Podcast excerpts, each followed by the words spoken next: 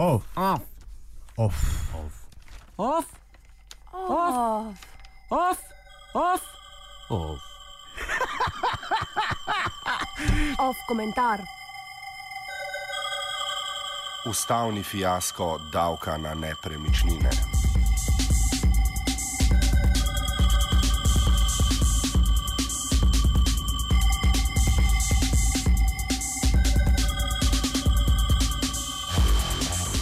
Situacija ni povsem nič prvoaprilska. Kljub temu pa je vlada Lenke Bratovšek poskrbela za slabo šalo z nepremičninskim davkom, za katerega je ustavno sodišče prejšnji teden presodilo, da ni skladen z Ustavo Republike Slovenije. Tako je zatajil doslej najbolj obetaven poizkus uvedbe čisto pravega davka na premoženje. Proračunsko luknjo se bo sedaj krpalo s starimi triki. Ta bo, to bo so zelo verjetno dvig davka na dodano vrednost ali dvig davka na dohodnine.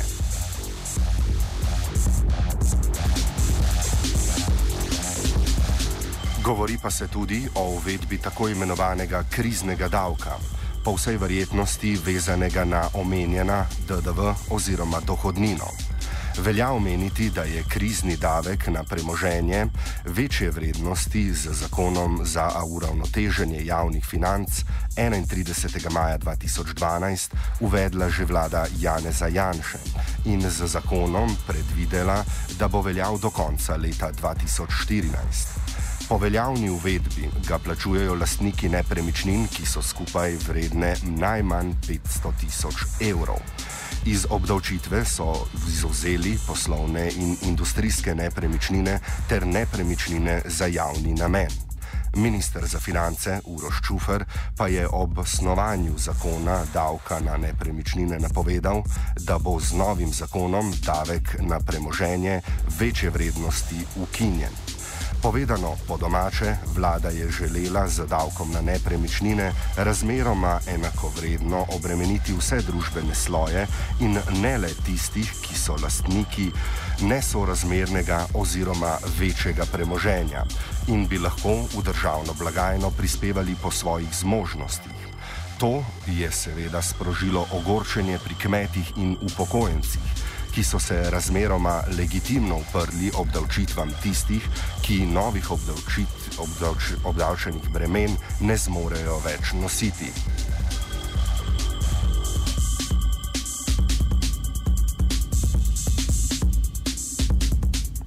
Stvar je farsična po sebi komičnostjo pa jo je dopolnilo ustavno sodišče, ki je presodilo, da aktualna vlada ne spoštuje niti osnovnih principov ločevanja med izvršno in zakonodajno vejo oblasti. Saj v samem predlogu zakona ni definirala metodologije in davčne osnove, po kateri naj se vrednotijo nepremičnine. Nasprotno, ugotovitev posplošene tržne vrednosti nepremičnin, kot se uradno imenuje to vrstna metodologija, je kar z vladno uredbo vezala na zakon o množičnem vrednotenju nepremičnin, ki pravi tako, ne določa modelov vrednotenja, saj je bolj namenjen informativnim izračunom, ki jih vodi Geodetska uprava Republike Slovenije.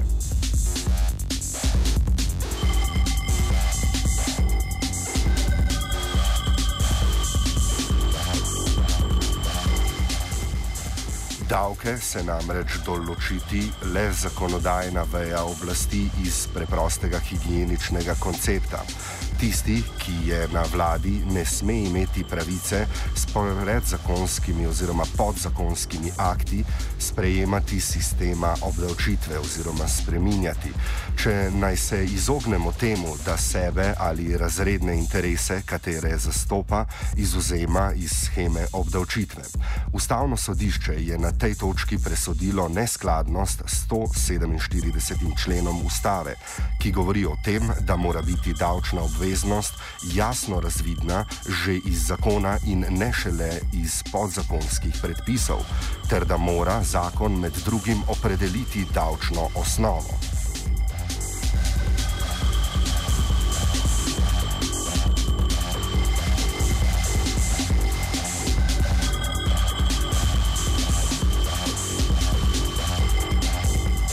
Klavrni propad obdavčevanja nepremičnin pa je na cedilu pustil tudi študente v prestolnici, ki domujejo v najemniških stanovanjih in z lastniki nimajo podpisane najemne pogodbe. Za inšpekcijski nadzor celotne ljubljanske regije pa menda skrbi en sam inšpektor. Tehnično gledano je večina takšnih stanovanj praznih, zato bi njihove lastnike klauzula o obdavčevanju priznanih stano, praznih stanovanj prisilila, da stanovanja nehajo oddajati na črno in začnejo prispevati v državno blagajno. Nepremičninski trg prestolnice je v zadnjih mesecih prav zaradi tega doživel pretres. Z malce sreče je študentom bilo omogočeno dobiti stanovanje za sprejemljivo ceno in le to celo legalizirati s podpisom pogodbe.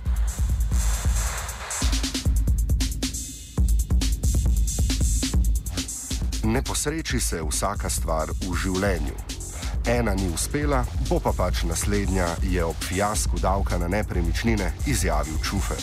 S tem se do, očitno ni šalil, saj je že napovedal dvig DDV-ja, ki je očitno naslednja stvar, ki ima uspeti brez podpore koalicijskega jezička na tehtnici, veternijaške državljanske liste. Takšni računi brez krčmarja so vse očitne vsakdanji modus trenutne koalicije, ki je davek o nepremičninah kar a priori vključila v državni proračun. Ko pa je krčmar pojasnil, da zakon v takšni obliki ni ustaven, pa so vladajoče stranke začele pospešeno moralizirati o tem, kako je bil ta zakon najboljša opcija za obvarovanje javnih financ pred zloglasno trojko. Desne stranke medtem na dnevni osnovi opominjajo, kako je Bratovškova zaupnico vezala na sprejem proračuna, ki bo sedaj očitno zahteval 200 milijonov evrov popravkov.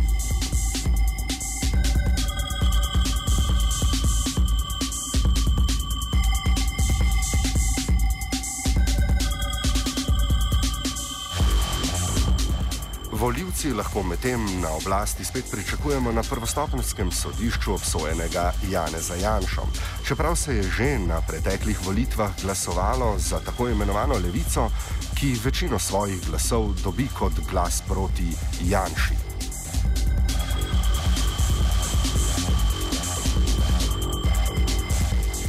Komentiral je Luka Tetičkovič. Oh. Oh. Oh. Oh.